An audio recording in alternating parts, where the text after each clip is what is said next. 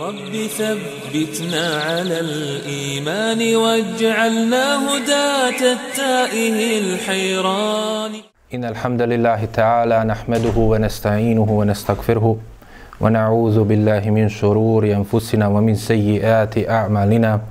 من يهده الله فلا مضل له ومن يضلل فلا هادي له. وأشهد أن لا إله إلا الله وحده لا شريك له وأشهد أن محمدا عبده ورسوله. أرسله الله تبارك وتعالى بالهدى ودين الحق ليظهره على الدين كله وكفى بالله شهيدا ثم أما بعد svaka zahvala pripada Allahu subhanahu wa ta'ala od njega, od njega oprost za naše grijehe tražimo od njega i pomoć uzvišenog tražimo neka je salavat i salam na njegovog posljednjeg poslanika njegovog odabranika i miljenika našeg predvodnika Muhameda sallallahu alaihi wa sallam njegovu časnu porodcu sve njegove plemenite ashabe a i one koji slijede njihov put do sudnjega dana a zatim nastavljamo govor o bitki na Uhudu. Kao što smo već govorili i spominjali, Allah uzvišeni povodom učesnika bitke na Uhudu objavio je više ajeta i u sure Al Imran, a i kao što smo spomenuli, jedan od ajeta iz sure Ahzab odnosi se na njih.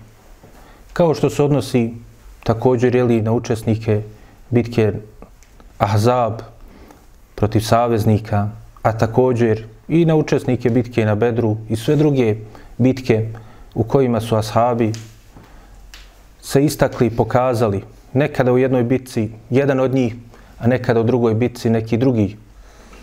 Allah uzvišeni kaže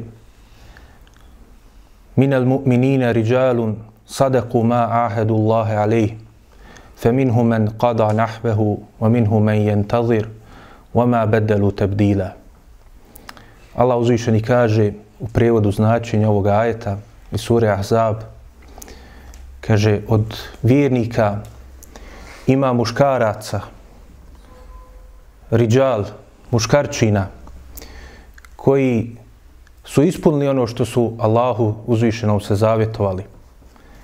Pa neki od njih su preseli na tom putu. Dakle, kada nahvehu, preselio, ispunio to što je obećao i onda preselio na tom putu. A neki od njih još uvijek to čekaju, ali kod njih se ništa nije promijenilo. Isti su onakvi kakvi su bili i kod prvo je nedaće i one zadnje koja je zadesila. Ustrajni na Allahovom putu bitka na Uhudu je to najbolje pokazala i istakla takve pojedince.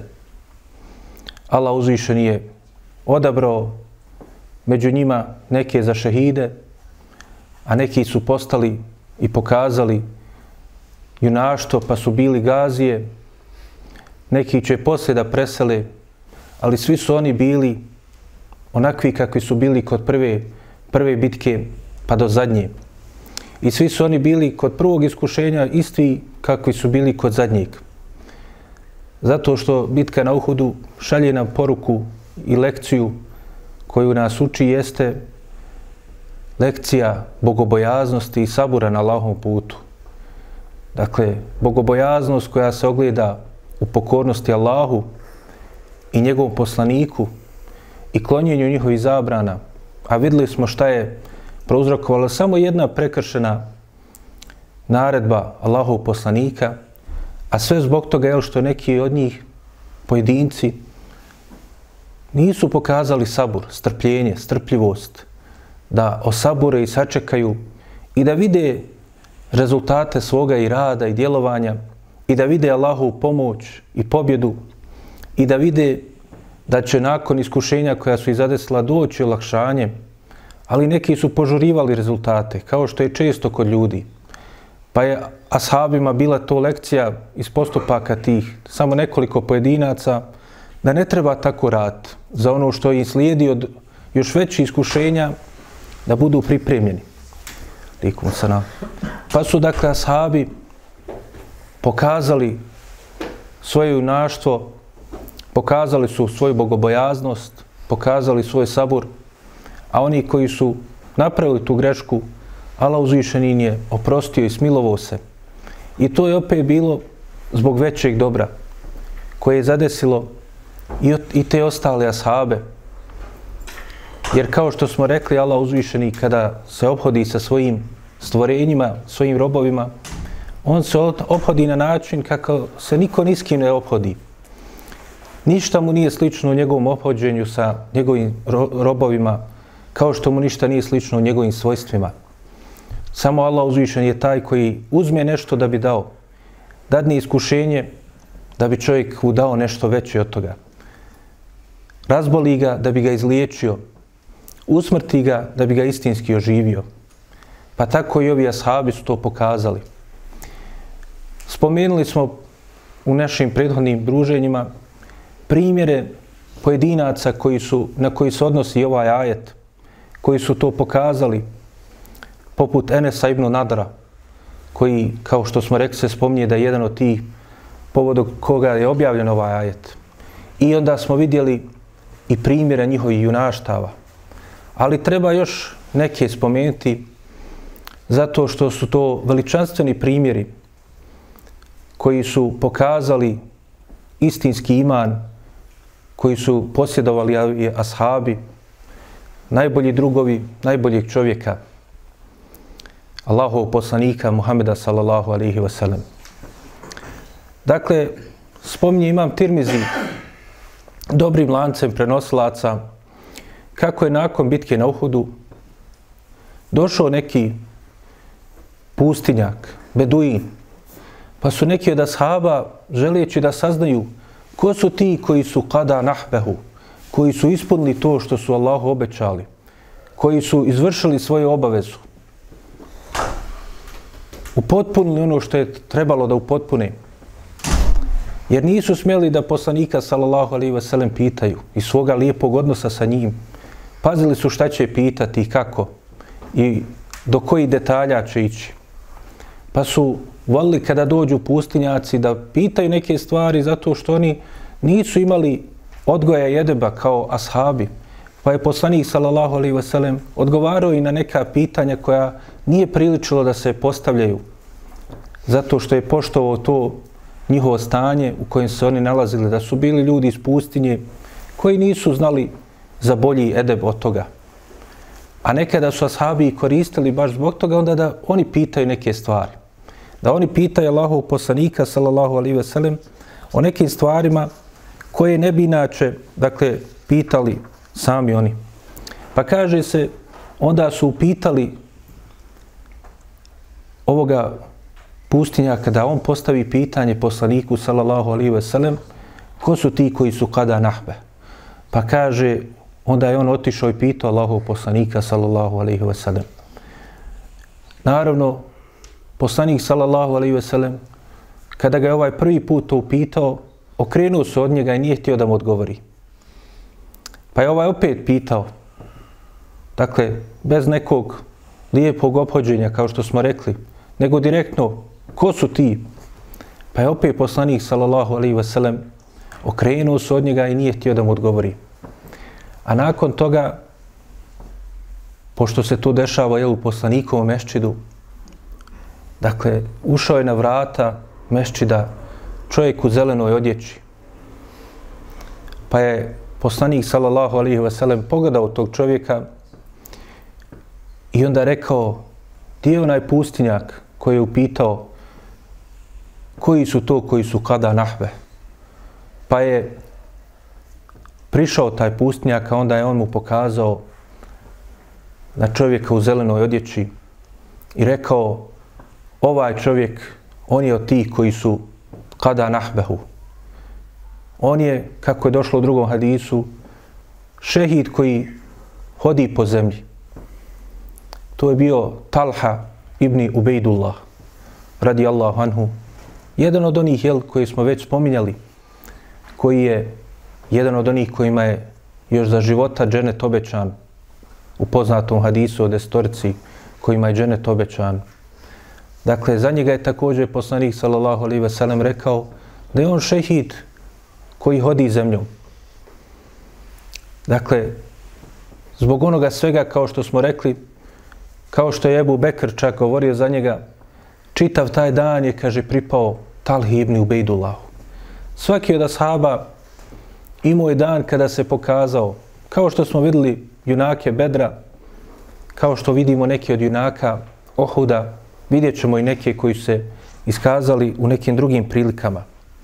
Dakle, Talha ibn Ubejdullah, vidjeli smo kako je branio Allahu poslanika, sallallahu alihi wasallam, kada je palo oni sedam ensarija kao šehidi, a ostali samo on i Saad ibn Abi Waqas, da brane u jednom momentu na nekoliko minuta, ali ključni minuta u životu Allahov poslanika, sallallahu alaihi ve sellem, da samo da ga oni brane. Dakle, on je bio jedan od tih velikih junaka. Također, od junaka ove bitke je bio i Ebu Seleme, brat po mlijeku Allahov poslanika, sallallahu alaihi ve sellem. I ne samo brat po mlijeku Allahov poslanika, nego brat po mlijeku i Hamze ibn Abdul Mutaliba, radijallahu anhu. On je također bio od onih koji su ranjeni u bitci na Uhudu, pa nakon što je ranjen, preživio je i vratio se svojoj kući sa poprišta bitke, no međutim njegova rana nije kako treba zarasla i ponovo se aktivirala, pa je nakon toga, dakle nakon bitke na Uhudu, kod svoje kuće u Medini preselio radijallahu anhu. A vidjet ćemo to detaljnije kada budemo govorili šta se onda desilo sa njegovom dakle, suprugom Umu Seleme i kako je se dalje odvijao njen život. Također, spomenuli smo da jedan od mladića koji su koji je prihvatio Allahu poslanik sallallahu alejhi ve sellem da učestvuje u bitci bio Rafija ibn Hadidž radijallahu anhu. I on je također ranjen u ovoj bitci. Pa kaže, pogodilo ga je koplje, upredio, dakle, njegovi prsa e, na, naspram njegovog ramena, pa kada je, dakle, tako ranjen, vidio ga poslanik, sallallahu alihi wasallam, i prišao mu, dakle, pošto koplje, kao što znamo, jel, dakle, to je bilo vrlo jako oružje, imalo svoju, na svome vrhu, svoju glavu koja je jel, predstavljala oštricu. Dakle, ona je sva bila se zabila u njegovo plemenito tijelo, ovog plemenitoga shaba. Kako bilježe imam Ahmed i Ebu Davude, taj Alisi u svome musnedu. Pa kaže poslanik sallallahu alaihi ve sellem mu je onda rekao o Rafije, želiš li, kaže, da ti izvadimo i koplje i tu oštricu? Ili želiš da izvadimo samo koplje, a da ostane ta oštrica u tvome tijelu? Da ostane jel, u njegovom tijelu oštrica, pa kaže da ti to bude na sudnji danu, da ti svjedočim na sudnji danu da si šehid sa tom oštricom koja je ostala na tvo, u tvome tijelu. Pa kaže, rekao je Rafije, neka ostane Allahov poslaniće. Pa se spominje, kako spominje Hafiz ibn, eh, Hafiz ibn Hajar, u svojem poznatom dijelu Ashabima ili Sabe, kaže onda je on živio do hilafeta Muavije ibn Abi Sufjana radijallahu anhum, pa kaže od ranije koju je zadobio u bitci na Uhudu, ona se tad aktivirala, dakle godinama kasnije, desetljećima kasnije. I kaže od te rane i onda i na kraju preselio. Tako da je, jel, vidimo da je čak i u praktičnom smislu on preselio od rana na Uhudu. Tako da, jel, možemo ga ubrojati, kao što je rekao poslanik sallallahu alejhi ve sellem, da će biti od šehida, šehida na sunjem danu. Također od onih koji su se istakli svojim junaštvom u bici na Uhudu, bio je čovjek kojem ime bilo Ebu Rehm el-Gifari, radijallahu anhu. Ebu Rahm, njegovo ime je pravo bilo Kulthum.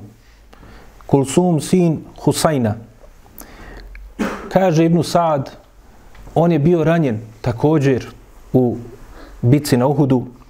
Također ga je pogodilo u njegovom slučaju strijela, pa kaže, bio je žestoko, dakle, povrijeđen od toga. Pogodilo mu, je, dakle, vitalne dijelove tijela.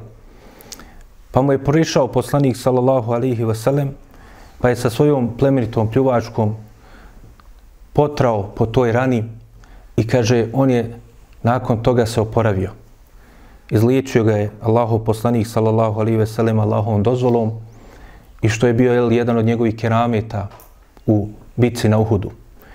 Također Katade ibn Nu'man radijallahu anhu kaže se, iako ima razilaženje po pitanju njega da li se to desilo u bici na Bedru ili bici na Uhudu, ali spominju Ibn Ketir od Ibn Ishaka i Ebu Awane da se to desilo u bici na Uhudu, da je njega pogodilo također koplje ili strijela i da mu je ispalo njegovo oko.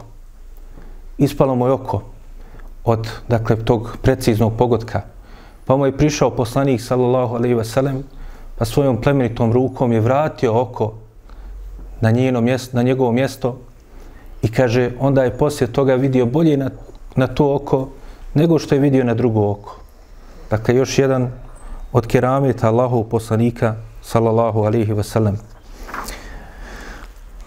Što se tiče oni koji su pali kao šehidi u bici na Uhudu, a rekli smo da je najmanje 70 bilo, treba spomenuti već, uz već spomenute neke od slučajeva, još neke nevjerovatne slučaje koji su zadesili ashabe i kako su preselili kao šehidi u ovoj bici. Videli smo kako je pao kao šehid Hamza ibn Abdul Mutalib, također Musa ibn Umeir, braneći Allahu poslanika, sallallahu alaihi ve sellem, Videli smo slučaj Enesa ibn Nadara. A od drugih slučajeva treba spomenuti slučaj Abdullaha ibn Harama, koji je babo Džabira, poznatog, još, još jel, poznatog e, i sina i oca koji su bili ashabi. I jednog Džabir ibn Abdullah je jedan od onih koji su najviše hadisa prenijeli, prenijeli od Allahov poslanika sallallahu alaihi wasallam. Pa se spominje da je on također, dakle njegov otac,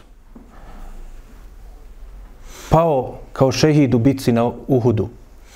I kada su donijeli njegovo tijelo nakon bitke, on je bio jedan od onih koji su bili izmasakrirani. Pa su ga nekim platno prekrili. Kada su donijeli njegovo tijelo prekriveno,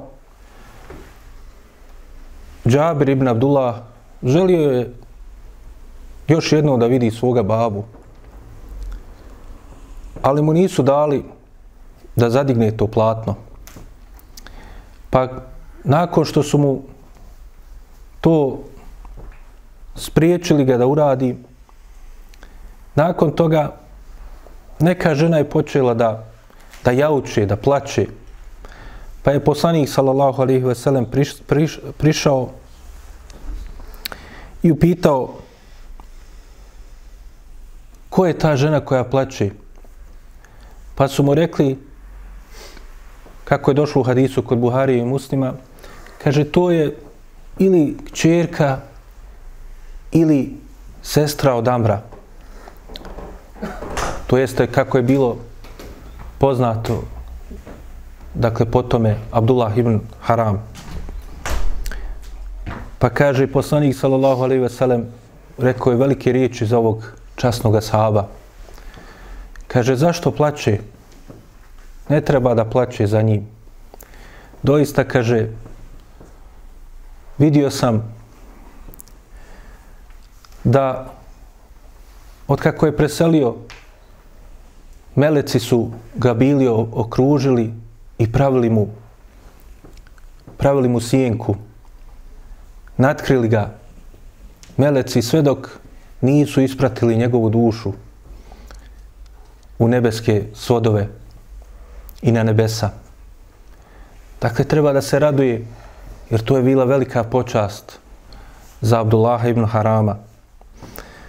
U hadisu kojeg je zabilježio Ibn Hibban, Ibn Hibban u svome sahihu a i također imam Hakim, imam Tirmizi u svome sunenu, spominje se još neki detalji vezano za ovoga sahaba. Pa se spominje da je on bio povod objave jednog od ajeta i sure Al Imran koji govore o bitci na Uhudu. Kaže se u tom hadisu da je Džabir, dakle sin od Abdullah ibn Harama, bilo mu teško što moj babo preselio. Pa mu je pričao Allaho poslanik sallallahu alaihi ve sellem i rekao mu, o Džabire, zašto, zašto te vidim takvog slomljenog? Šta te je slomilo? Pa mu je rekao Džabir ibn Abdullah radijallahu anhu, o Allaho poslaniće, moj babo je pao kao šehid, a kaže, ostavio je dosta porodice i ostavio je iza sebe i dug. Pa na to moj poslanik, sallallahu alaihi ve sellem odgovorio,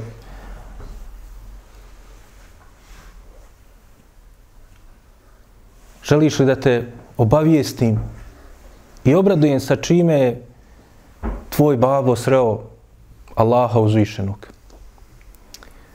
Pa kaže, rekao je Allahov poslaniku, rekao je Džabir Allahov poslaniku, sallallahu alaihi wa naravno Allahov poslaniće. Kaže Allahov poslanik, sallallahu alaihi wa u ovom hadisu, za kojeg učenjaci kažu da je dobrog lanca prenosilaca, kaže, doista Allah uzvišeni nije pričao niskim osim iza zastora. Ali sa tvojim babom je pričao bez zastora i bez posrednika. Dakle, nakon što je preselio i nakon što je njegova duša dignuta do Allaha uzvišenog. Pa kaže, upitao je Allah uzvišeni tvog babu, o moj robe, kakva imaš želje, nadanja da ti ispunim? Abdullah ibn Haram je rekao, želja mi je da me oživiš, pa da opet poginem na tvome putu.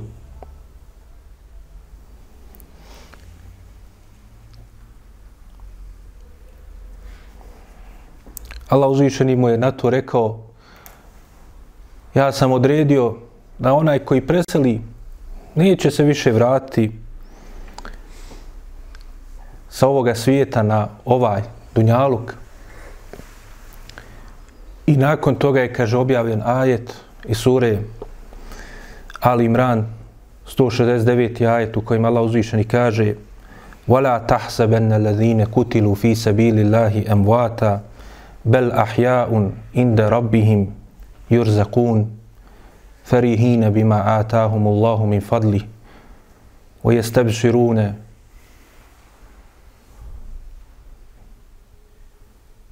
وَيَسْتَبْشِرُونَ بِمَنْ لَمْ يَلْحَقُوا بِهِمْ kaže Allah uzvičeni u ovom ajetu u prevodu značenja nemoj mislit nemojte mislit da su oni koji su preselili na Allahovom putu mrtvi oni su živi kod svoga gospodara i obskrbljeni radosni zbog onoga što im je Allah uzvišeni podario i svoga obilja i raduju se onima koji im se još nisu pridružili od onih šehida koji će doći nakon njih. U drugom hadisu se spominje također da je, kako spominje to Ibn Abbas, da je postoji i drugi povod zašto je objavljen ovaj ajet. Kod imama Ahmeda u njegovom usnedu je došlo, kaže, nakon što su ovi šehidi pali na Uhudu. I Abdullah ibn Haram, i Hamza ibn Abdul Mutalib, i drugi. Oni su dignuti kod Allaha uzvišenog. Uvedeni su u dženet njihove duše, dakle uvedene su njihove duše u dženet, a njihova tijela naravno su ostala na Dunjaluku i ukopana su do današnjeg dana pored brda Uhud. I kaže, oni su u kljunovima zelenih ptica koje lebde ispod arša u dženetu i jedu i piju iz dženetskih blagodati.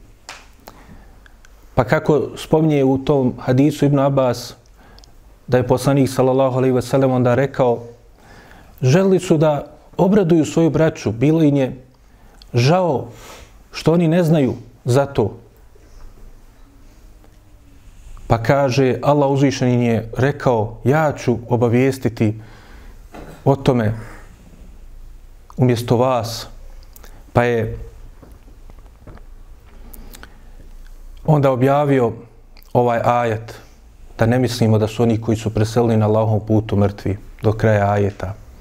Također se tu kaže da su rekli ovi ashabi koji su kao šehidi bili u dženetu već njihove duše, kaže da ih obavijeste o tim dženetskim oživanjima, da ne budu od onih koji će se, kaže, sustezati kada se nađu u prilici da se bore na Allahom putu, nego da jel, se bore najboljim, naj, najljepšim džihadom na Allahov putu, da bi dobili te blagodati. Pa je Allah uzvišen objavio ovaj ajet.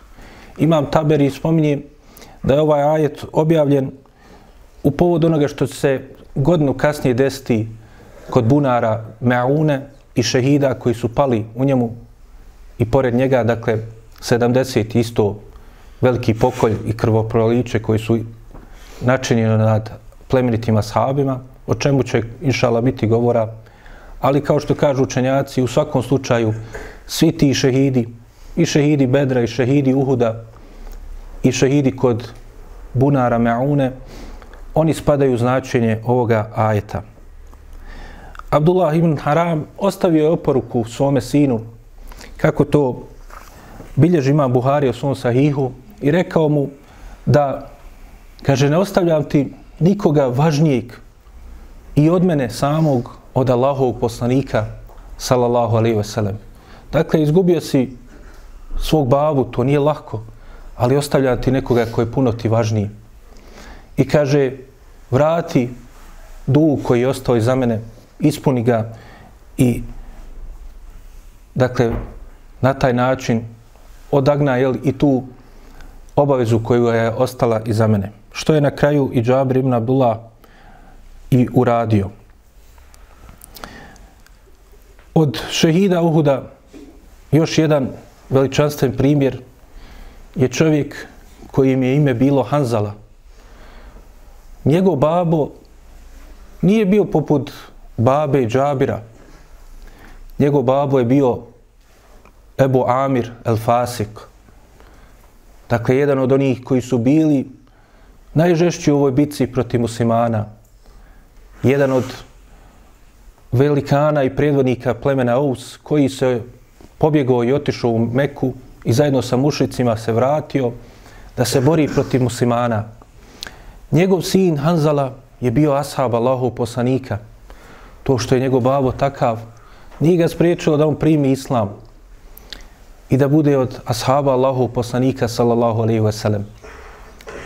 Jer Allah uzvišeni doista iz mrtvog tla, iz mrtvog čovjeka, mrtvog po tome što nema upute, daje da iznikne nešto živo, a to je dakle iman i vjera koju su imali ovi ashabi i kasnije, jel, mnogi drugi muslimani, koji su bili od takvog porijekla, pa i to nije spriječilo da budu među najboljima.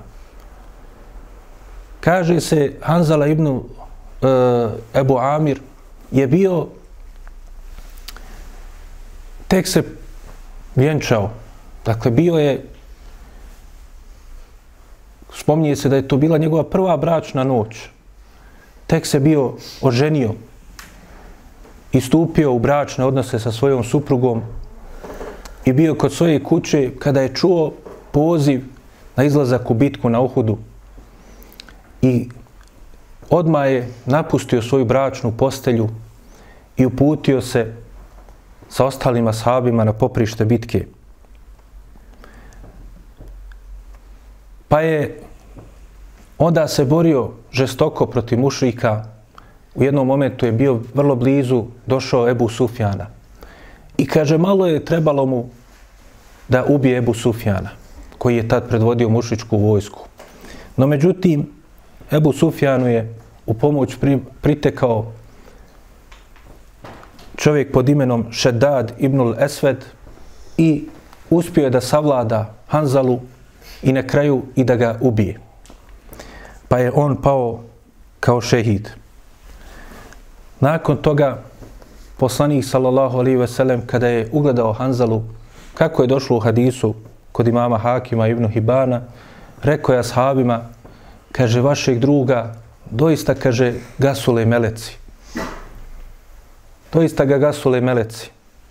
Zato što je Hanzala, jel, kada je čuo da bitka će početi, požurio iz svoje bračne postelje i odazvao se pozivu Allahov poslanika, sallallahu alaihi ve sellem, tako da je bio u stanju džunupluka. Dakle, nije stigao se ni okupat. Pa su meleci nakon što je preselio okupali Hanzalu i zato je on postao poznat pod nadimkom Hanzala Gasilul Melaike. Dakle, Hanzala kojih su ogasulili meleci. Radijallahu anhu. Još jedan čovjek koji je pao kao šehid i pokazao junaštvo u bici bio je Amr ibn Džamuh, radijallahu anhu. Ako se sjetite, o Amru smo već govorili, na početku medijskog perioda, kada je Musa ibn Umeir došao da poziva stanovnike Medine, Amr ibn Džemuh je bio jedan od predvodnika stanovnika Medine, bio je prvak i predvodnik svojeg porodce i svog ogranka plemena Benu Selime. I njega su pozivali Muaz ibn Džebel i njegov sin Muaz, sin Amra ibn Džemuha. Pa je on primio islam i znamo onaj ekip koji su oni mu da mu pokažu ništavnost toga što su radili od širka, bacali na smetljište dok on nije na kraju svario da nema ništa od tih kipova i tog širka koji su činili. Pa prihvatio islam. Njegov sin, dakle taj spomenuti Muaz ibn Amr ibn Džemuh, sjetit, će, neki, sjetit ćemo se da je on bio onaj koji je zajedno sa Muazom ibn Afraom ubio Ebu Džehla u bitci na Bedru. Pa kaže se, on imao trojicu sinova koji su bili naočiti mladići, svaki od njih snažan, sposoban, poput lava, Muaza, Muawiza i Hallada. Pa kaže, poredali se oni ispred njega i krenuli da idu u bitku na, bed, na Uhudu.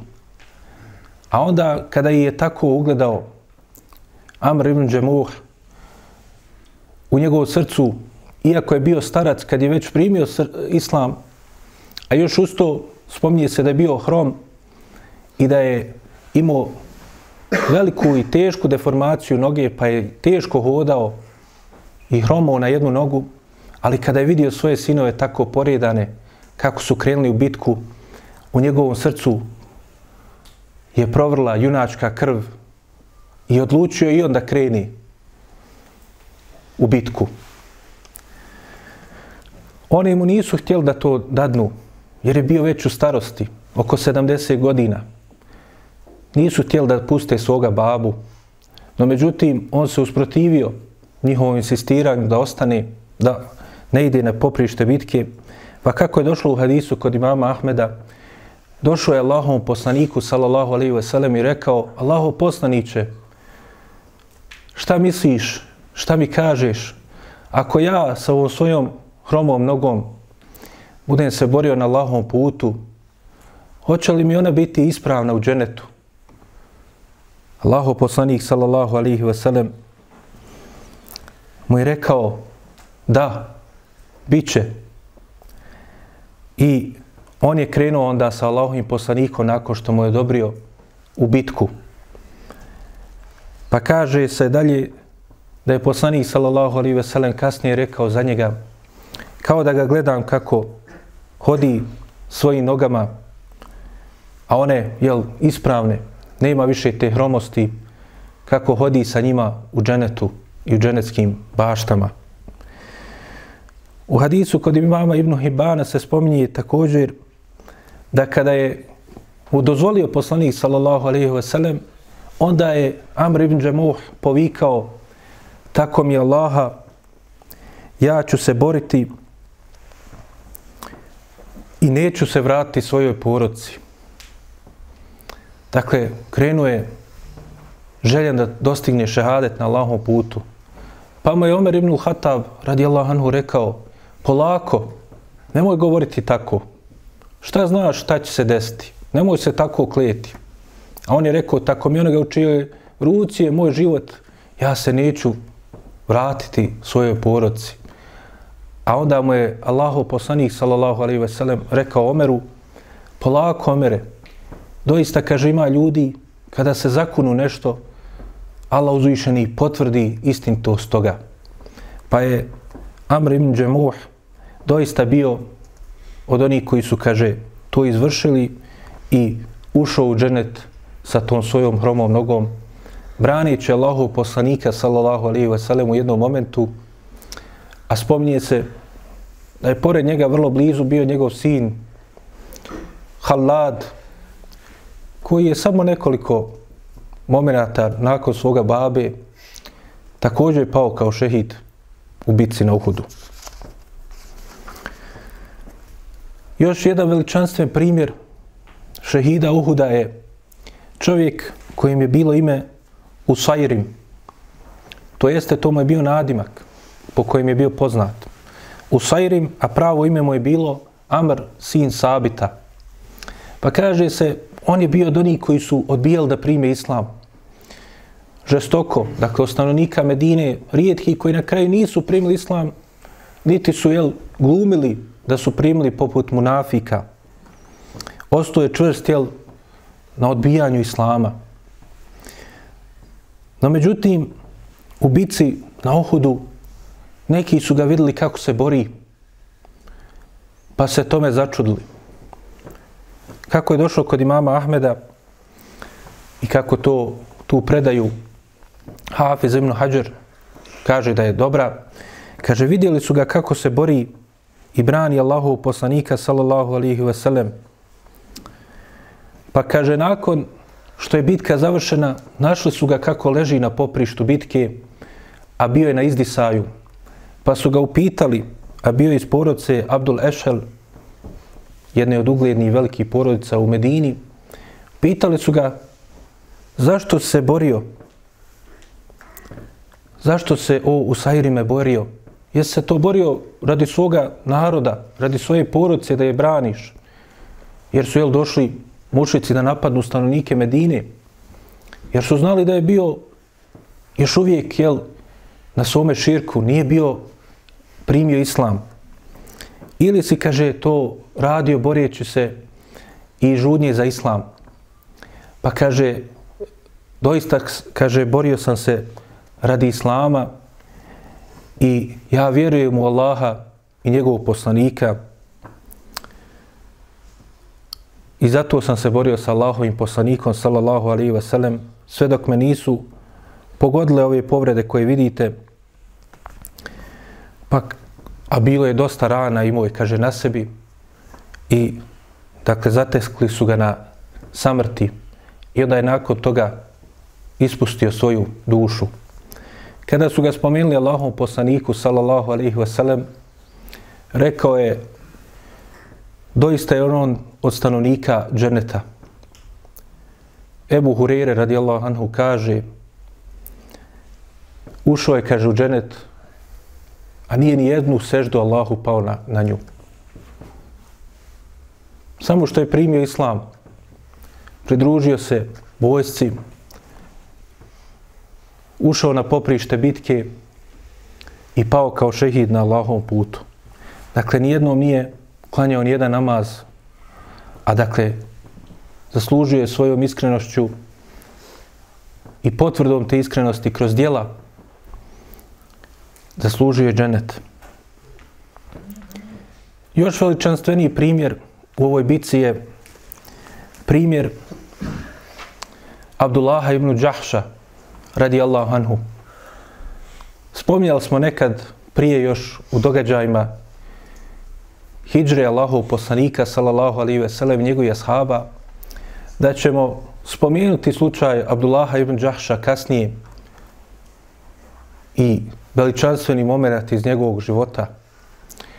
Abdullah ibn Đahš, jedan od uglednika Mekke, ostavio je velika imanja u Mekki, kako smo spominjali, i prelijepe kuće. Sve je to žrtvo na lahom putu. A onda smo vidjeli također i kako je u onoj izvidnici Nahla on bio taj koji je prvi zarobio ratni plijen na lahom putu, ubio jednog od mušrika u borbi na lahom putu i kako je Allah uzvišeni pohvalio tu njegovu skupinu u suri Al-Bekare. On je bio inače tečić Allahov poslanika, sallallahu alaihi ve sellem, zato što njegova majka je Umejma, čerka Abdul Mutaliba, dakle tetka Allahov poslanika, sallallahu alaihi ve sellem. Pa je dakle imao i rodbinske veze sa Allahovim poslanikom, sallallahu alaihi ve sellem. Kaže se, kako spominje i prenosi to Sad ibn Abi Waqas, kaže, pred početak bitke prišao sam Abdullahu ibn Đahšu i upitao ga želiš li da zajedno uputimo dovu Allahu subhanahu wa ta'ala? Da se obratimo Allahu uzvišenom? Pa kaže rekao je naravno pa smo se pomjerili u stranu. Kako to bilježi imam Hakim a kaže Hafiz ibn Hajar da je ovaj hadis vjerodostojan kaže i onda sam ja počeo da učim dovu a on je aminuo na moju dovu.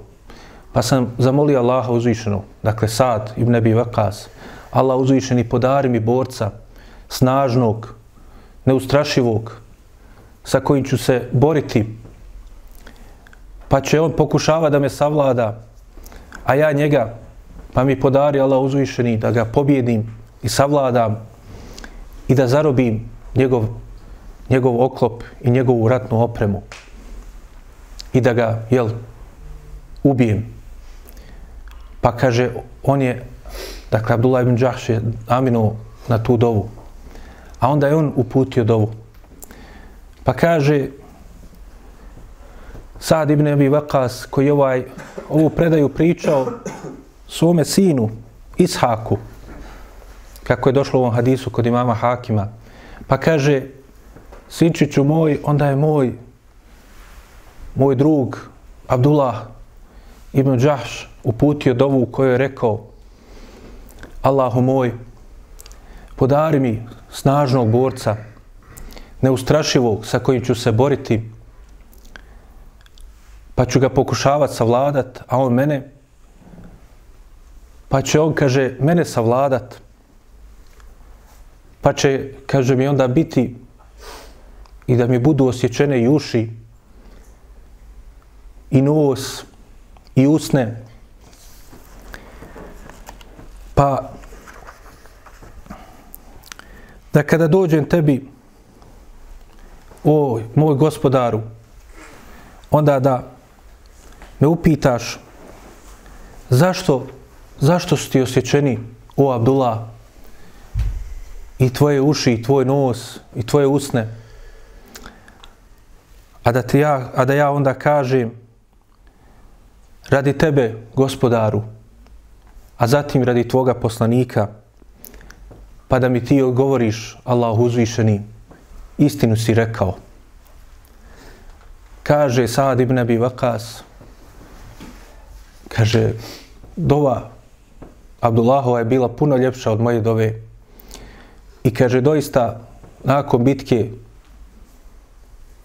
videli smo Abdullaha ibn Đahša, kako je ležao na poprištu bitke, ubijen, a bile su mu osjećene i njegove uši, i njegov nos, i njegove usne. Pa kaže Allahov poslanik, sallallahu alihi wasalam, spustio je Abdullaha ibn Đahša, svoga tečića i svoga Amidžu, Hamzu ibn Abdul Mutaliba, u jedan mezar, a njegovu plemenitu bradu su natapale suze zbog gubitka ova dva velika junaka. Nije Abdullah ibn Đaš želio da bude jel, ubijen tek tako, niti on imao nešto posebno želju sad jel, da bude izmasakriran, nego Abdullah ibn Đaš je time želio da poruči da sve žrtve na Allahom putu. Ako treba da me izmasakriraju radi tebe Allah uzvišeni, ja ću to, ja ću to ispuniti. Dakle, to su ti primjeri imana, iskrenosti i potvrde na dijelima tog imana i te muškosti koju su ovi ashabi posjedovali. A Abdullah ibn Đaš je također primjer kako je su ovi ashabi, mnogi od njih, dakle, nakon što iman ušao njihova srca, učvrstio se, kako su bili postojani na tom putu i osaborili na svim skušenjima i žrtvovali svoje imetke i svoje živote zato što su oni znali da trguju sa Allahom uzvišenim. Zato što su znali da je to najbolji oblik trgovine koji su mogli imati. Zato što su dali lijepi zajam Allahu uzvišenom svoje živote, svoje metke, zato što će im Allah uzvišeni vrati puno bolje za to nešto malo od ovog dunjalka što će oni žrtvovati na njegovom putu. Nakon toga, kao što ćemo išala vidjeti, Allahu poslanik sallallahu alaihi ve sellem oženče njegovu sestru Zeynep, čerku Đahša i dakle ona će postati jedna od majki vjernika. Još jedan veličanstven primjer šehida Uhuda je jedan od velikana Ensarija, a to je Sad ibn Rabije.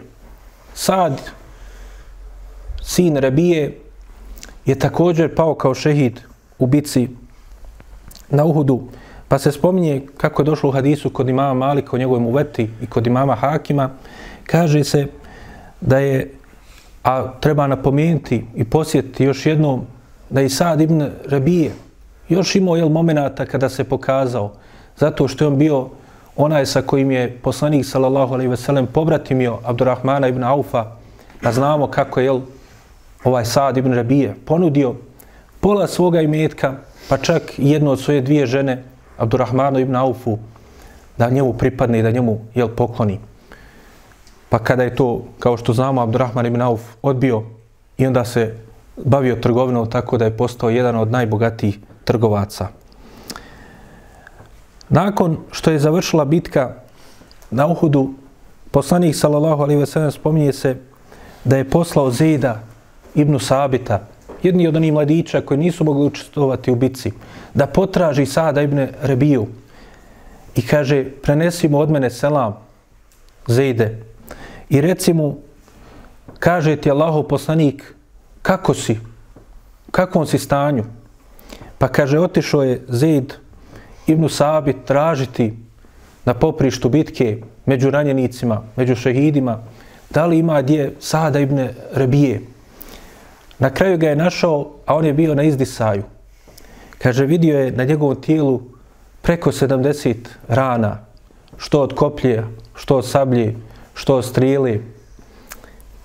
I bio je već, jel, gotov napusti ovaj svijet.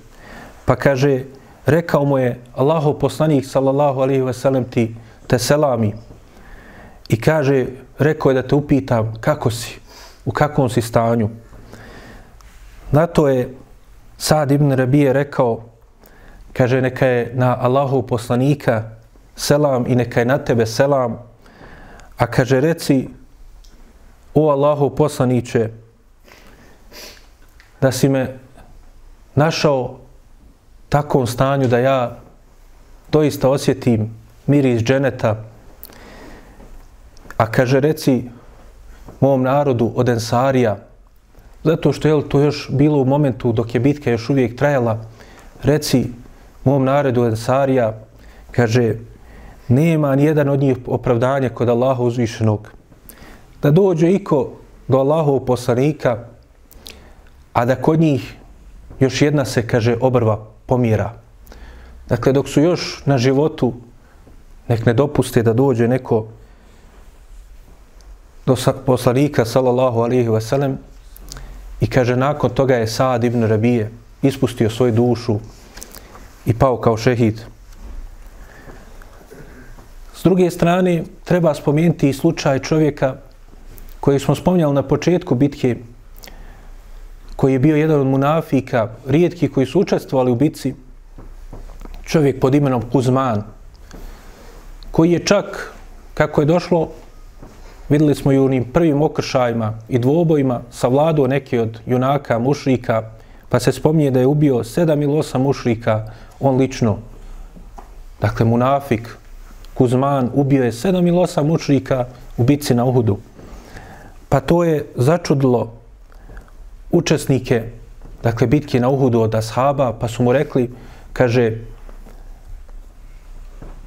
ako i ti padneš, raduj se, pašćeš, jel, kao šehid na Allahom po, po, e, putu, ali ovaj to, na to obra, nije obraćao pažnju, nego je govorio, ja se borim radi svoga naroda.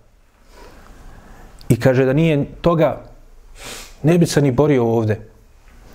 Dakle, nije htio da bude kukavica, da nije od onih koji su izašli brane svoj narod i Medinu, svoj grad, svoju domovinu. Pa kaže, borio se sve dok nije bio ranjen. I onda kada je ranjen, kaže, uzo je sablju i sam sebi. Dakle, našljimo je tako i stavio sablju da se onda na nju probuo i sam sebe ubio. I tako skončao.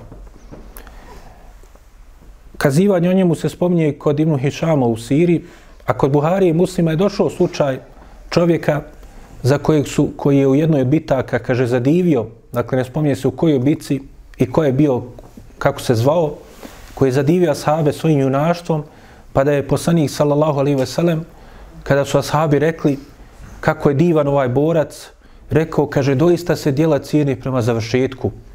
Pa kaže, pogledajte kako je ovaj završio, doista je on od stanovnika vatre. I kaže, neki su ga pratili i onda su ga videli, kaže, kako je bio ranjen. I onda je, kaže, uzeo svoju sablju i onda je okrenuo naopako, tako da se onda na nju probao i izvršio sam ubijstvo. Da jel, se ne bi mučio tirana i da bi na takav način sebi e, skratio muke. U tom hadisu, jel, ne spominje se da je to bio ovaj Kuzman, ali kao što kažu učenjaci, Allah najbolje zna, dakle, to je taj čovjek koji je, jel, na takav način skončao. Dakle, tijela se cijene prema završetku. Do zadnjeg momenta, s jedne strane, jel, iako se borio na lahom putu, to treba biti iskreno, ispravno. A u njegovom slučaju još gore što je on, jel, kao što smo rekli, bio od munafika. Pa je, dakle, na takav način skontao skončao. Također se spominje i da su žene učestvovale u bici na Uhudu.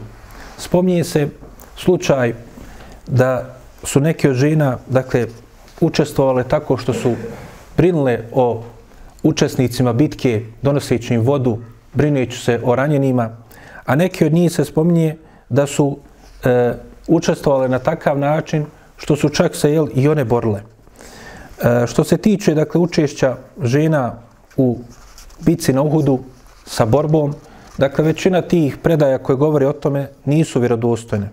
Dakle, spominje se da je e, žena pod imenom Ebu Amare, da je ona učestvovala dakle na takav način da je e, se pok, e, čak bila 12 puta ranjena, no međutim hadis koji govori o tome nije vjerodostojan. E, No, međutim, došlo je u vjerodostojnim hadisima da je žena pod imenom e, Umu Sulejt, Sulejm, dakle, da je ona učestvovala, dakle, e, time što je donosila, dakle, vodu ranjenicima, brinula o njihovim ranama, a da je sa njom bila i Aisha, čerka Ebu Bekra. Pa spominjem se u vjerodostojnom hadisu, a ova Umu Sulejm je majka od Enesa ibn Malika, pa Enes ibn Malik kaže, vidio se i kako su bile zadigle svoje haljine, i dakle išle i žurile da pomognu dakle ranjenicima noseći im dakle vodu i brinući o njima. A spominje se da je umu Salit, da je ona također na taj način pomagala, ali čak i da je učestvovala i sa borbom, boreći se jel, na lahom putu u bici na Uhudu. Ona je bila, kažu, dakle majka od Ebu Sejda al-Hudrija, to jeste supruga već spominjanog Malika ibn Sinana, koji je jel, bio jedan od također učesnika bitke na e, Uhudu. Što se tiče dakle tog učešća njihovog, dakle spominje se da je Omer radijallahu anhu kasnije kada su došla neka e, o, dakle od ratnog plijena u njegovom hilafetu o, odjela i odjeća i haljine lijepe, pa kažu neki su jednu lijepu haljinu rekli mu najbolje bi bilo da dadneš kaže unuci Allahov poslanika sallallahu alaihi ve sellem ona je najpreča za nju pošto je bila jel, najljepša ta haljina. A to je bila njegova supruga to jest Omer radijallahu anhu jedna od njegovih supruga je bila kćerka Ali radijallahu anhu što je jedan od velikih odgovora onim pokvarenjacima i smradovima Haridžijama, eh, Rafidijama koji vrijeđaju Ebu Bekra i Omera činjenica da je jel, sestra od Huseina i Hasana, Umu Kulthum, čerka Alije i unuka Allahov poslanika, sallallahu alaihi ve sellem, bila kasnije supruga Omera radijallahu anhu. No međutim, kaže Omer radijallahu anhu, kada je čuo taj prijedlog, rekao je, kaže, ima neko koji preči za to od njih. A to je, kaže, Umu Salit, zbog onoga što je ona, kaže, radila i kako je branila poslanika, sallallahu alaihi ve sellem, i muslimane i borila se na Allahom putu u bitci na Uhudu. Pa je dao njoj tu lijepu haljinu. Učenjaci kažu, dakle, sve ovo što se ispomnije od učešća žena u borbi, dakle, kasnije će biti dokinuto. Dakle, to je bilo prije objave ajeta o hijabu. Kao što ćemo vidjeti, najranije što se spominje da objavljen ajet o hijabu jeste, dakle, treće godine nakon bitke na Uhudu, a neki kažu četvrte ili pete godine. Pa kaže Hafizu ibn Hajar, dakle, o, govoreći o ovim učešćima žena u bici na Uhudu, to je bilo, kaže, prije nego što je to derogirano sa ajetom hijjaba, kada je zabranjeno bilo, dakle, više da to radi se, jer je došlo u hadisu također kod Ibnu Šej, Ibn Abi Šejbe i kod Ibn Sada i Taberanija, da je poslaniku, sallallahu alaihi ve sellem, kasnije došla jedna od žena, kaže, pod imenom Umu Kepša, i tražila da isto tako učestvuje u bici, da brine o ranjenicima, da bude tu blizu, jel, i da bude na poprištu bitke, pa je poslanik sallallahu alejhi ve sellem nije dozvolio i rekao je da ostane kod svoje kuće. Kaže Hafiz ibn Hajar, to je jel, zato što je to bilo nakon što je dakle derogirano ono što se dešavalo u bitci na Uhudu i nekim drugim situacijama prije objave ajeta o hijabu. O tome čak Bedrudin el-Ajni, poznati hanefijski učenjak, spominje koncezus islamskih učenjaka, dakle da nakon što je objavljen ajet o hijabu, bilo je zabranjeno miješanje muškaraca i žena i da se žene na taj način izlažu jel, u, bit, u bitkama, dakle da ne bi slučajno bilo nečega što nije priličilo, što ne bi priličilo dakle, ženskom, e, dakle onome što je propisano od hijaba i onoga što je vezano za njih od odjevanja. Tako da je, dakle, one su imale učešće u ovoj bitci, ali je to kasnije derogirano. Dakle, ovo su samo neki od primjera kako su asabi se pokazali na lahom putu, kako su potvrdili svoj iman sa dijelima i kako su poslali poruku nama i svima drugima nakon njih. Dakle, da iman koji čovjek nosi u srcu mora se pokazati i u vanštini. Zato su oni, dakle, i bili ti muškarci, muš, muškost pokazali.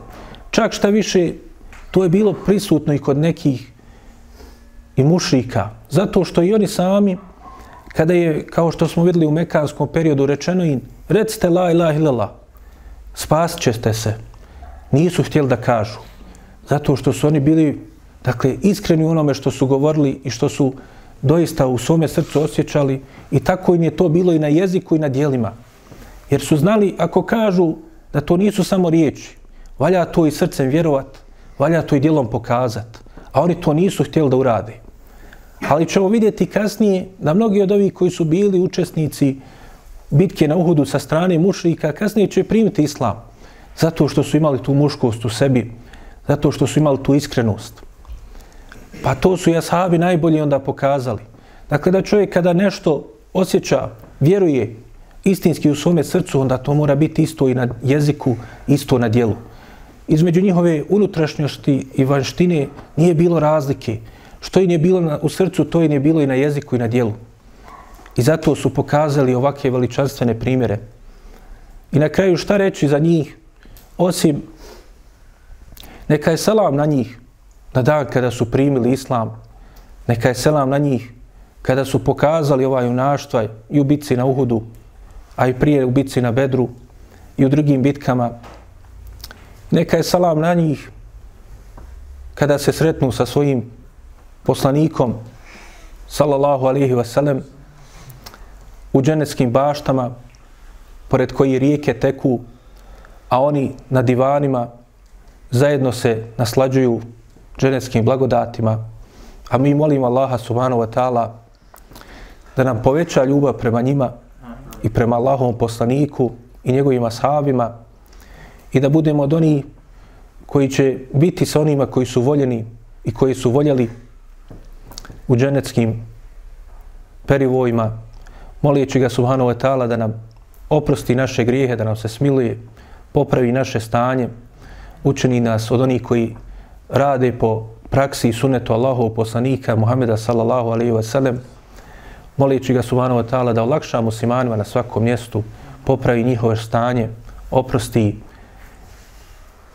onima od muslimana koji su preselili njihove grijehe, da se smiluje, izliječi oni koji su od njih bolesni, da odagna od nas spletke nevjernika i spletkaroša i da nas sačuva od njihovog zla i da nas sve nas i naš narod i sve muslimane vrati njihovoj vjeri na najljepši način. Amin. Subhanak Allahume bihamdike. Ešhedu en la ilaha ila ente stakruke ve tublik. يا رب ثبتنا على الإيمان واجعلنا هداة التائه الحيران.